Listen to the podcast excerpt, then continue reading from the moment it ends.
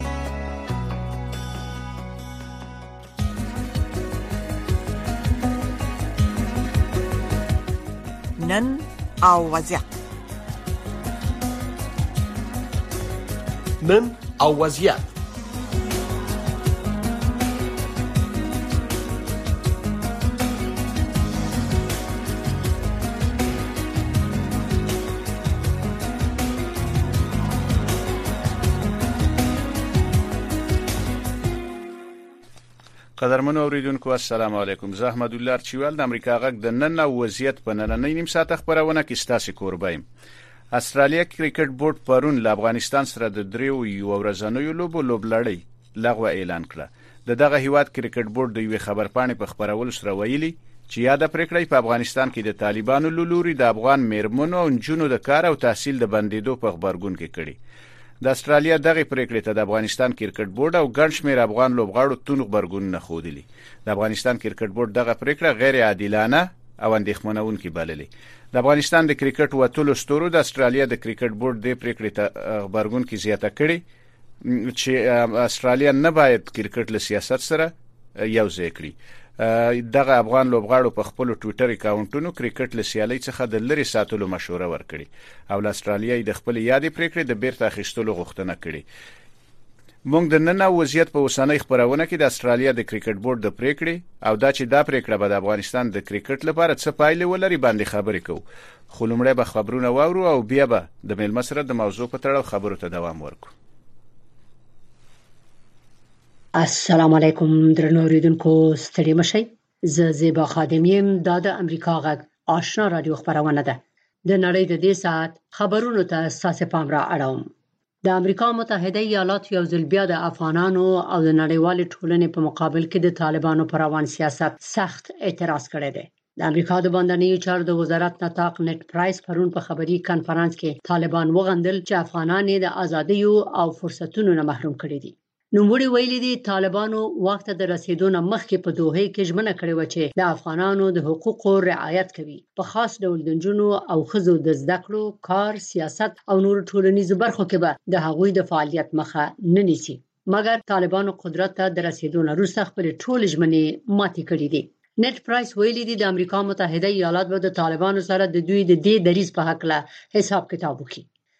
دغه شان د امریکا د بارنیو چارو د وزارت نطاق نت پرایس په کابل کې د داعش خراسان د څنګه پرونی انتحاري حمله وغندله او زیاته کړه چې په افغانستان کې د متحده ایالاتو ماموریت پای ته نه دی رسیدلی په افغانستان کې د ملګرو ملتونو مرستندوی ادارې یوناما نن ویلي دي چې په کابل کې د بارنیو چارو د وزارت مخې ته د انتحاري برید د مړو شمیر لسو ته رسیدلی دی فرانس پریس د یونما د بیان له قوله خبر ورکړی دی چې په دې حمله کې لږ تر لږه لس تنه وژل شوې دي او درې پنځوس نور ټپي شوې دي مګر طالبانو ویلي دي چې په کابل کې د چهارشنبه د ورځې په چاودنه کې 15 تنه وژل شوې دي د پاکستان او ایران د بارنیو چارو وزیرانو د طالبانو د حکومت د بارنیو چارو د سرپرست وزیر امیر خان متقی سره په ټلیفون کې خبرې کړې دي او دواړو په کابل کې د وړمې ورځې خونړۍ حمله غندلې ده ایران او پاکستان په داسې حال کې په دې پیښې خواشینی ښیي چې د چارو د کتونکو په باور همدغه گاونډیان او د سیمې یو شمېر نور هیوادونه په افغانستان کې د ورانکارو ډلو ملاتړ کوي د مهاجرو لپاره د ناروې د شورا رئیس یان اګلن د طالبانو د حکومت او د علماو د شورا نه غوښتي دي چې په غیر دولتي ادارو کې د خزو په کار د بندیز د لری کولو لپاره بل فرمان صادر کړي ښاغلي اګلن نن د جنوري په 14مه په ټوئیټر کې لیکلي دي چې د چهارشنبه په ورځ د قندهار والي او د علماو د شورا سره د خبرو لپاره هغه ولایت ته تلونکی وو مګر د هوا د خرابوالي له امله سفر ماتړ شو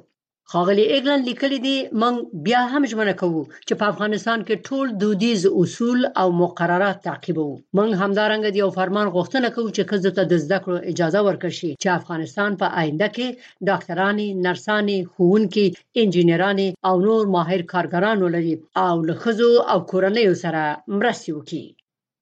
د واشنگټن نه د سیمې او نړۍ خبرونه اوري په افغانستان کې د ښځو انجونو په کار او تعلیم د طالبانو د بندیزونو په حق لا نړیوال عکس العملونه ورځ په ورځ پراخیږي آزاد ترکیه جمهور رئیس رجب طیب اردوان د انجونو په تعلیم او تحصیل محدودیتونه غیر انساني او غیر اسلامي بللي دي هغه ویلي دي موږ د یو داسې دین لارویان یو چې له زنګو تر قبره یې د تعلیم سپارښتنه کړې ده دا واشنگټن دی د افغانستان سیمې او نړۍ خبرونه ادامه لري د متحده ایالاتو لوی څارنوال مریک ګارلند د جنوري په 12مه ځانګړی مفتش ټاکلی دی چې معلومه کړي چې ولې د حکومت محرم اسناد د جمهور رئیس جو بایډن په شخصي کور او دفتر کې ساتل شوي وو په دې حق له نور تفصیل تاسو پام را اړوم روسیې نن د جمعې په ورځ ویلي دي چې قواو یې د اوکراین په ختیځ کې د سولیدار ښارګوټی په خپل کنټرول کې راوستی دی او ادعا کوي چې د دې ځای نه تر یو نیم کال شاته تګ وروسته یې لومړی نظامی بری ګټلی دی رویټرز لا تر اوسه پورې دغه وضعیت نه دی تصدیق کړی او د روسیې د دفاع وزارت د پنځشنبه په ورځ د جنوري په 12مه د اوکراین د جګړې لپاره خپل تر ټولو لوړ رتبه جنرال ټاکلی دی جنرال والری ګرامزموف د روسیې د پوځ لوی درستیز دی او د تیر کال د فبرवरी د میاشتې راهیسې چې روسیې په اوکراین یرغل کړی دی د ټولو نه لوړ رتبه روسي نظامی چارواکی دی چې د دې جګړې قومندان ټاکل کیږي زیبا خادم امریکا غږ واشنگتن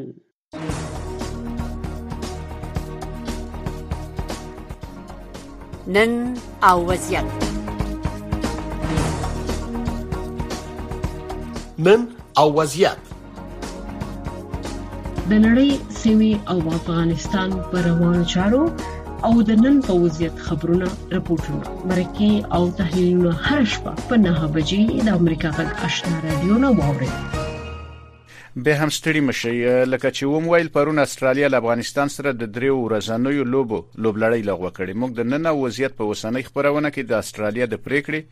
او دا چې دا پریکړه د افغانستان د کرکټ لپاره څه پایلې به ولري بحث کوو په موضوع د بحث لپاره را سره د کرکټ د چارو کارپو خاغلی سمیع الله پام صاحب میلمه دی پام صاحب خبرونه ته بخیر راغلی سلامونه او ټول هیوادوالو اوریدونکو ته زما سلامونه مننه پام صاحب له کابل څخه زموږ همکار یو تازه راپور را لېګلې راپور به واخلو بیا به تاسو خبرو ته دوام ورکړو قدرمن اوریدونکو د طالبانو د حکومت د بهرنوي چارو وزارت وايي افغانستان لپاره د روسیې د ولسمشر ځانګړي استاذي زمیر کابلو کابلو کابل کې 13 ورځ د بهرنوي چارو وزارت سرپرست امیر خان متقی سره د نورو مسلو ترڅنګ د دواړو هیوادونو ترمنځ په اقتصادي اړیکو خبرې کړي. د چارو ځینې افغان کارپوهان وايي روسیه د طالبانو او امریکا د اړیکو په اړه اندېښنه لري. په دې اړه پام وکړئ له کابل څخه زموږ د همکار اکرام شینواری را لېږلي راپور ته. د طالبانو د حکومت د بهرنیو چارو وزارت په یوې اعلامیې کې ویلي چې افغانستان لپاره د روسیې د جمهوري ځانګړي استازي ضمیر کابلوف د پنجشنبې په ورځ د بهرنیو چارو وزارت د سرپرست مولوي امیر خان متقي سره د اقتصادي اړیکو په ګډون د دواړو هیوادو ترمنځ د اړیکو په پراخېدو خبرې کړي د بهرنیو چارو وزارت په اعلامیه کې ویل شوي چې ښاغلي متقي د روسیې د جمهوري ځانګړي استازي ته ویلي چې روسیه د افغانستان په بهرني سیاست کې ځانګړی ځای لري او د هغو اسانتیاو د برابرولو له امله له روسیې مننه کړې چې په مسکو کې د طالبانو تر کنټرول لاندې د افغانستان سفارت ته برابرې کړې د دې اعلامیې له مخې ښاغلي متقي په ماسکو کې د خپل دیپلوماټیک حضور د کچې د لوړېدو او پراخېدو په اړه د خپل حکومت غوښتنه هم ښاغلي کابلوف سره شریکه کړې ده په دې اعلامیه کې ویل شوي چې د بهرنیو چارو وزیر د افغانستان او روسیې ترمنځ په سوداګریزو راکړو ورکړو او له روسیې څخه د نفتو ګازو او غنمو په واردولو هم خبرې کړي او له روسي پلاوي څخه غوښتي چې د ګمرکي تعرفې په برخه کې افغانستان سره ځانګړی چلند وکړي د دې اعلامیې له مخې ضمیر کابلوک کابل کې د بهرنیو چارو وزارت مخ ته د چاودنې له امله ښاغلي متقي سره غمرازي څرګنده کړې او ویلي دي چې روسیه نه غواړي افغانستان له نړیوال ټولنې څخه منځوي شي د روسیې د جمهور رئیس ځانګړي استازي ویلي چې افغانستان د پاکستان منځنۍ اسیا او روسیې ترمنځ د سوداګرۍ په برخه کې ګټور رول لوبولی شي په دې وروستیو کې روسي چارواکو افغانستان او پاکستان پاکستان ته د طبیعي ګازو د لیږد لپاره چمتووالی ښودلی. همداشان تېر کال د طالبانو حکومت د روسیې څخه افغانستان ته د تېلو، ګازو او غنمو د واریدولو یو کلن تړون هم روسي چارواکو سره لاسلیک کړی و. د سیاسي چارو یو افغان کارپوه احمد سعیدي په دې باور دی چې روسیه طالبانو سره د امریکا د متحده ایالاتو د اړیکو د ښه کېدو څخه اندېښنه لري. د زمیر کامولوف سفر، ګرچې کامولوف دومره صلاحیت به نه لري، خو واقعیت دا ده چې روسیه نه غواړي چې طالبان د امریکایانو په لمن کې ولوېږي خامخا کم کم رسد کوي چې آینده ته وګوري خو د سیاسي چارو بل کارپور ډاکټر عزیز مارج کابل ته د زمیر کابلوف سفر تر ډیره اقتصادي مسلو پورې مربوط ګڼي او وایي چې روسیه غواړي چې په افغانستان کې د چین د پانګونې څخه د طالبانو حکومت ته خپل ملاتړ څرګند کړي ښاغلی مارش په دې نظر دی چې کابل کې د بهرنیو چارو وزارت دروازې مخته د پنجشنبې د ورځې چاودنې یو هدف افغانستان کې د پانګونې په اړه د پانګوالو ترمنځ د اندېښنو راولاړول وو. نو دنان د دې لپاره چې طالبان په شان سي د روسیې پلاوی هم راغلی ده ترغه چې دغه مسله ورته واضح کې او ډاډ ورکړي طالبان ته چې خلدینه په شان سي او دا د افغانستان په ګټه ده چې چین دلته سرمایه گذاري وکړي ګاو باوجود چې چین یو اقتصادي سیاست لري هغه د مسایل نه هېره نه کړي خپله سرمایه ګذاري په هر حالت باندې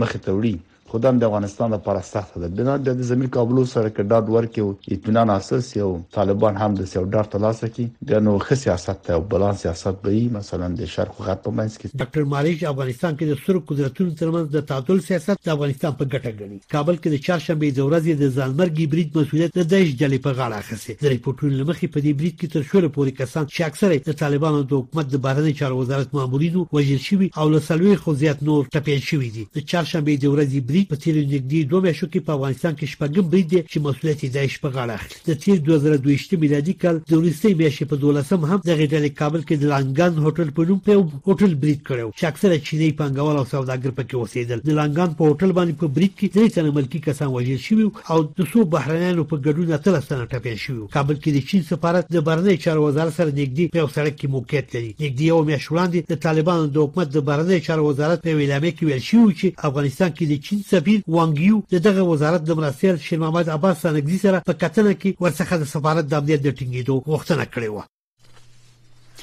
ډیره زیاته مننه پام صاحب تاسو خبرونه مو اوریدل او راپور مو اورید اوس برا شو اصلي موضوع ته دا پریکړه چې استرالیا د درې ورځو د لوب سره د افغانستان سره مقاطعه اعلان کړې ده یا ویلي دي چې دوی دا لوب نه کوي دا د افغانستان لپاره څه بدې پایلې درلودل شي ډیره زیاته مننه ارچوال چې تاسو د خبرونه ټول اوریدونکو ته ځل بیا سلامونه واقعا دا یو خورا بد خبر وو ځکه افغان کرکټ بورډ په دې وروستیو کې نو توانیدل چې حد اقل د یوې قوي لوبډلې سره سیالي برابر کړي دغه درې یو ورځنۍ لوبي چې لغوه شوې دا د افغان لوبغاړو لپاره یو ښه فرصت چې لبنه مرغه دوی له لاس ورکړ دوی ورته تمرینات کړیو او د یو قوي د یو دایمي غړي هیواد پر وړاندې د افغان لوبغاړو د دغه فرصت له لاسه ورکول د افغان کرکټ لپاره خورا بد دی ځکه افغان کرکټ بورډ نه دا چې دوستانه سیالي نشي برابرولې بلکې دغه چې د آی سي سي لخوا ورته تنظیم شوی په دغه سیالیو کې هم پاتې راغله او دغه سیالیو د کولو څخه په خړه ول دفاع ونه شو کړې ترڅو دوی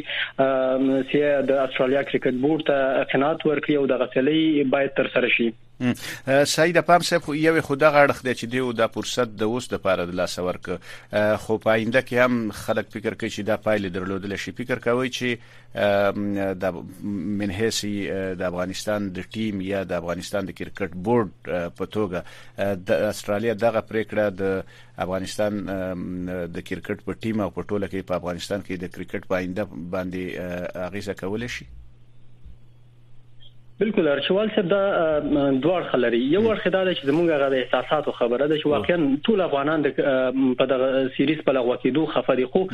اصلي خبره دا ده چې علت څه دی د استرالیا کرکټ بورډ کوم علت وړاندې کړی دی آیا هغه د قناعت وړ دی او کنه د نړیوالو اصول سره برابر دی کنه او بل کدی ته وګوري چې د استرالیا په نړیواله شورا کې څومره قوت او طاقت لري د کرکټ نړیواله شورا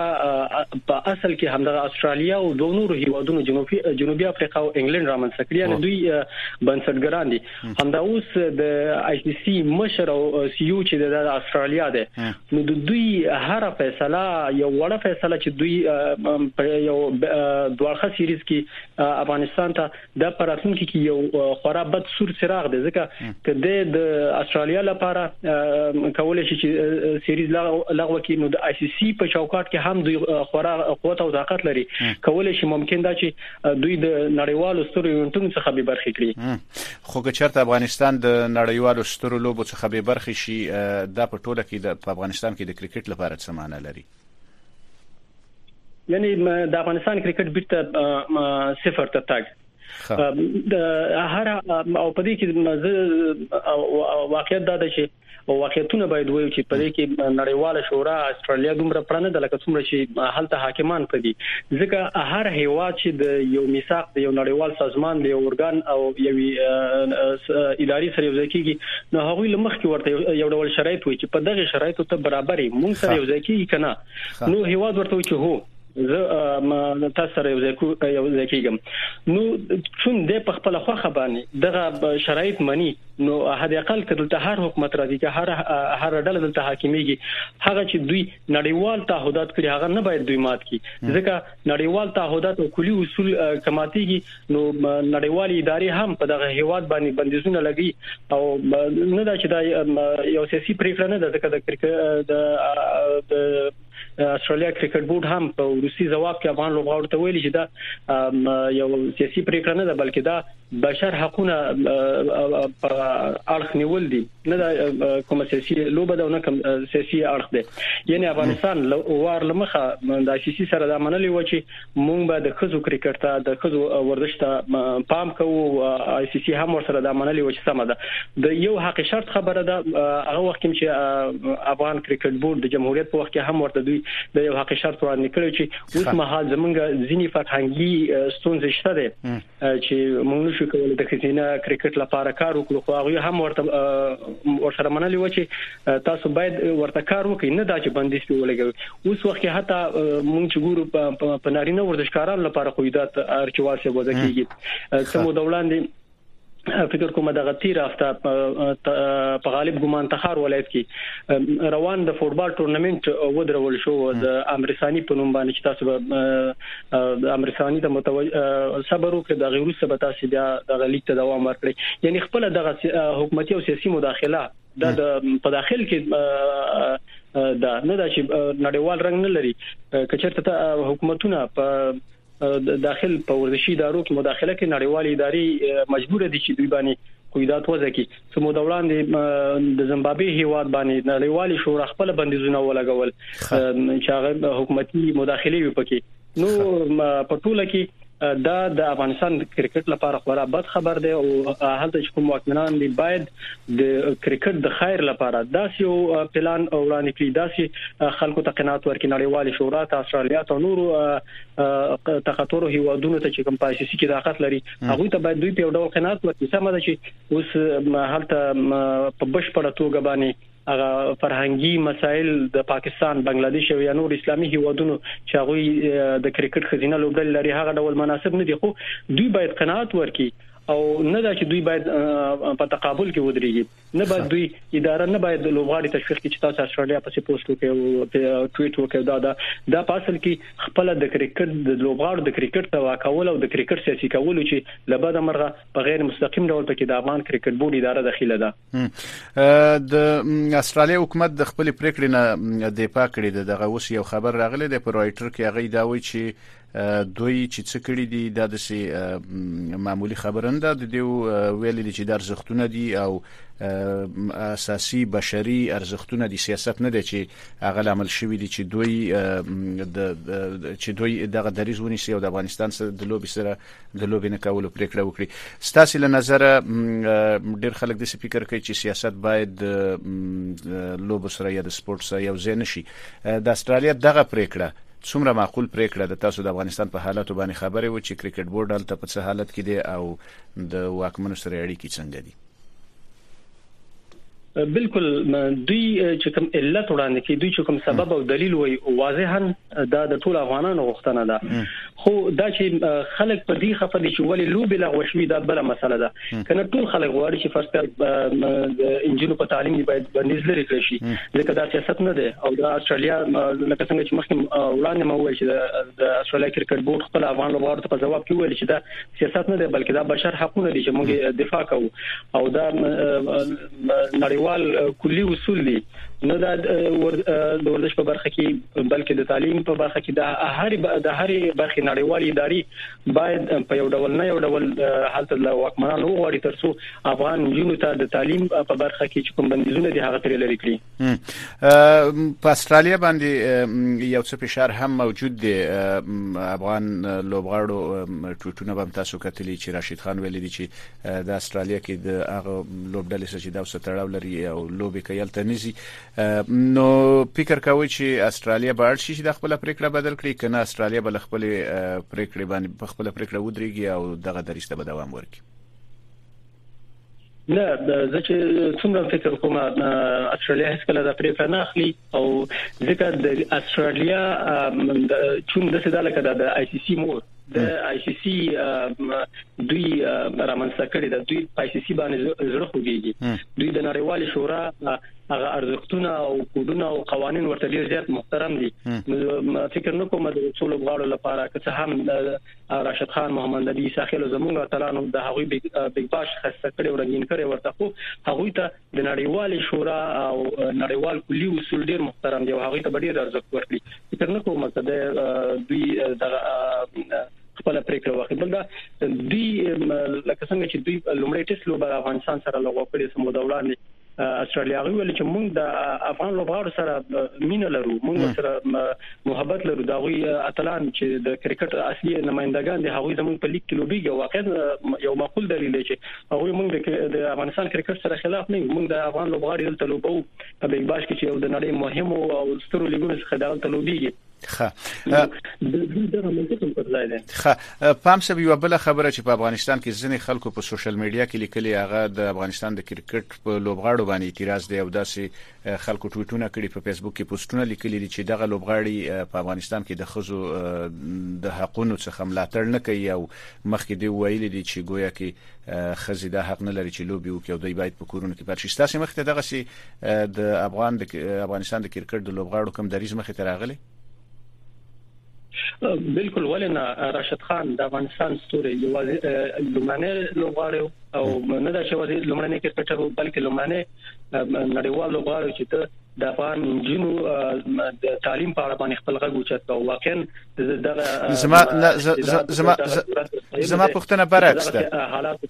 پام پام صاحب زما پښتنه برعکس ده خلک د سی فکر کوي چې دوی د واکمنو دریس تایید کړي دی او د خزو د حقوقو لپاره غږ نه دی پورته کړي تاسو څه فکر کوئ اچول بالکل ما تاسو پښتنه واغسه ما یادونه وکړه چې راشد خان نه دا چې په دغه برخه کې ټویټ کړو د هغه ټویټ او پوسټ هم داسې ډیر محتاطانه دي هغه نه دی ویل چې زه نظم هغه ویل چې زمون په لوغو باندې استرالیا نه راحت کیږي نو زه به تنه لوبېږم یعنی مستقیما بایکاټ نه دی کړی ښه. بل دا د اسټرالیا د کرکټ بورډ رئیس هم راشد خان ته بیرته ځواب ویلي دي چې مونږ ته سترګې پلاري او ته هر کله راشي او دا کوم سیاسي پریکړه نه ده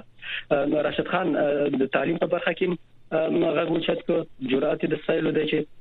سره لدی چې حالت په افغانستان کې طالبان واکمنان دی او د ادارې کې دوی سي او او ځینې زیاتره کارکوونکي د طالبانو د لاس لاندې مستقیما کار کوي خو د دا جرأت وکړ او د خود تعلیم په برخه کې غږ اوچت کړ دا که څه هم همداسې انګیرل کیږي چې ګوندې دا د اوسنی واکمنانو د دریز یو ډول ننګ ده خو فکر نکوم چې افغان لوبغاړو د پدی نیت باندې دغه پوسټونه کړي ځکه د محمد نبی او د راشد خان کم ټویټونه پوسټونه چې هغه ډیر محتاطانه او ډیر هغه اصول سره برابر ټویټونه یعنی دوی په هغه لوب باندې خفه دي خو تر هغه وړاندې دوی د انجونو د تعلیم د د بندیز د لری کولو غوښتنه هم کړې ده خه ډیره زیاته مننه پام صاحب تاسو ته اشاره وکړه چې استرالیا چې دغه د کرکټ د نړیوالې شورا په هغه بنسټګرو کې ده او ډیر نفوذ هلته لري فکر کوي چې ځینې نور هیوادونه به هم د استرالیا په پل پل کېږدي او د افغانستان په وړاندې به ورته دریځ ونیسي بل شکه دا په دویم قدم کې لبد مرغه لبد مرغه او امکان ډیر دی چې هند به د افغانستان سره سیالي نه کوي چې دا هم د کرکټ د اوسنۍ ادارې د نړیوال ادارې یو روح دی کرکټ هندیانو یو روح ورکړي چې چیرته هند او استرالیا په یو طرف په یو پل باندې شي نو دا به افغانستان کرکټ لپاره تر ټولو بد او خراب پایله ولري دې ترڅنګ ارشوال څخه تر ټولو بده بده دا ده چې تقریبا اونۍ یا دوه اونۍ وړاندې د نړیوال اولمپیک کمیټې هم د افغانستان لپاره یو سور څراغ بل کړ او هغه دا چې که چېرته اوسني واکمنان د افغان ښځینه لوبو ورزشکارانو ته د لوبو اجازه ورنکړي دوی به په نړیوال اولمپیک کې به برخه کړي چې دا تر ټولو ستره او د خپګان وړ خبره ده ځکه دا خو یو نسبتا یو کوچنی سیریز دی چې د درې ورځې سیریز دی هغه نړیوال ټورنمنت چې هغه کې د نړۍ ټول هیوادونه دي او هغه کې به بیا نو د افغانستان بیرغ نه وي هغه کې به د افغانستان د افغانستان نمائندګان نه وي هغه به خورا خوشنون کړي چې په دوه سوه دوه دوه سوه څلورو هیوادونو کې هلته د افغانستان نوم نه وي نو دا اوسنۍ واکمنان او همدارنګه په اولمپیک کې چې په نړیوال اولمپیک کې چې کوم افغان کارکونکي په ځنګل ډول سمیرا اصغری چې د خزو نمائندګي کوي حالت د هغوی څخه زموږ د وختنه ده چې په اولمپیک کې دغه ډول د پریکړې مخنیوي کې حد اقل کله داخل د افغانستان څخه دوی لوبغاړي نه دعوتوي هغه لوبغاړي چې بهر ته تللي دي موږ ولیدل په سایکل ځغلونې زیاتره لوبغاړي تللي دي د ځغاستې لوبغاړي زیاتره په بهر کې دي هغوی دي دعوت کوي او د افغانستان د بیرغ لاندې دي دوی ولوبوي او نه دا چې دوی یوازې لوبول بلکې دوی ور باندې باید د افغانستان بیرغ ومني دوی د په سپین بیرغ یعنی د اولمپیک بیرغ لاندې لوبېږي دا هم د افغانستان لپاره خورا خوشنونکي پریکړه ده او دا کوم ارچوال چې کوم نوې خبره نه ده د اولمپیک او په نور سترو ایونټونو کې دا ډول کیږي چې زیاتره هیوادونه په د سیاسي او نظامی مداخلو لامل ځینې هیوادونه به برخه کوي صحیح ده په نولس سوه اته یمو کلونو کې چې روسیه به برخه کړه چې هغه هغه مهال شورویانو پر افغانستان باندې يرغل کړی او د نړیوالو څخه برخه کړل ډیر مننه پام صاحب اوسنی واکمنان ډیره زیاته مننه پام صاحب یو دوه نورې پوښتنې لرم زمنګ دا وخت کم دی تاسو هغه ته جواب ورکړئ لند لند یو پوښتنه دا ده چې تاسو دا امکان ګورئ چې نړیواله شورا خپل دریسته د کرکټ نړیواله شورا هم ورته دریز ونیسي او نور هیوادونه هم افغانستان سره په د کرکټ په برخه کې ورته چلن وکړي که دا کار وشي په خپل د کرکټ لوبغاړي دوی څه ډول په دوی باندې د بد دي پریکړې څه تغیزه یو خو کرکټ بورډ دی خو زه په انفرادي توګه په لوبغاړو باندې د پریکړې غیزه یادوم بالکل دا په لوغاړو باندې هم خورا بد او اغیز لري مستقیما په لوغاړو باندې دا بد اغیز لري ځکه زموږ ځینې لوغاړي چې په بده مرغه په دې ورسته پریکړه کې یو ځل ډول د استرالیا کرکټ بورډ سره په تقابل کې ودرې فکر نه کوم چې دوی ځینې لوغاړو ته بیا په بي پی بیگ باش کې هم موقع ورکړي شي په نور نړیوال لیګونو کې به هم د افغان لوغاړو ته ځکه افغان لوغاړي به یو ډول مایوسه کیږي او دوی به د نړیوال شورا سره یو ډول عقده اخلي په دغه برخه کې نو همغه ده چې ځینې یې د کرکټ طاقتور هیوادونه به په نړیوالو لیګونو کې د افغان لوبغاړو مخه نیسي او کورنی کرکټ خو هڅه هم موږ تاسو معلوم دي چې کورنی کرکټ د افغانستان ورځ پر ورځ د زوال خطر روان دي هغه ایونټونه چې په خوا په کوم کوالټي باندې کېدل هغه ډول نه کیږي د نړیوالو دوستانه سیالي بيخي په صفر دي موږ روسي او کال دوه کالو کې هیڅ دوستانه سیالي نه لرو موږ تقریبا پنځه شپږ کاله کېږي چې موږ دایمي غړیتوب لرو، تر اوسه پورې موږ هېڅ ټېسټ دوستانه سیالي نه ده برابره کړې، نو که چېرته نړیوالې شورا او واقعاً چې اسټرالیا په کې خورا خاص ځای لري په نړیواله شورا کې ځکه رئیس چې د اجرایي رئیس او زیاتره کارکونکو چې د استرالیا د نو د آی سی سی په پریکړه به هم تاثیر لري د دوی طاقت او د دوی د پریکړو اغیز به وي پرې خه افغان کرکټ لوبغاړي باید څه وکړي دا مهال چې دغه ستونزه حل شي زه څومره فکر کوم افغان لوبغاړي باید حوصله وکړي او دا کار اصلا د ادارې دی لبد مرغه اداره په ځین څه د لوبغاړي ورپریخي دي چې دا مناسب کار نه دی لوبغاړي نه ادارې نه بل د کرکټ بورډ سره په تقابل کې درول پکار دي او نه د خلکو سره ځکه ځینې خلک به په لوبغاړو حتی تور لګوي لکه یعنی تاسو یادونه وکړه چې ګوندې دوی د وسنۍ واکمنانو سره په دریس کې ولاړ دي په حال دا چې دا نه ده د رب نه باید لوبغاړي په دغه مسله کې راکښ کړي دوی باید خپل نه کړي ځان دوی باید صبر وکړي او د لوبغاړي باید خپل اداره مجبور کړي ادارې ته و چې تاسو قناعت ورکړي تاسو وظیفه هم دا ده اداري کارونه ستاسو دي تاسو باید ورسره مخکې لاړ شئ تاسو موږ لوبغاړو ته فرصتونه پیدا کړي تاسو چانسونه برابر کړي او تاسو قناعت ورکړي نورو بورډونو ته ډیره زیاته مننه ښاغلی پام صاحب ستاسو د وخت نه د اوریدونکو نه مننه کوو چې تر اوسه پورې زموږ سره په خپرونه کې ښه وختونه ولرئ مننه کچ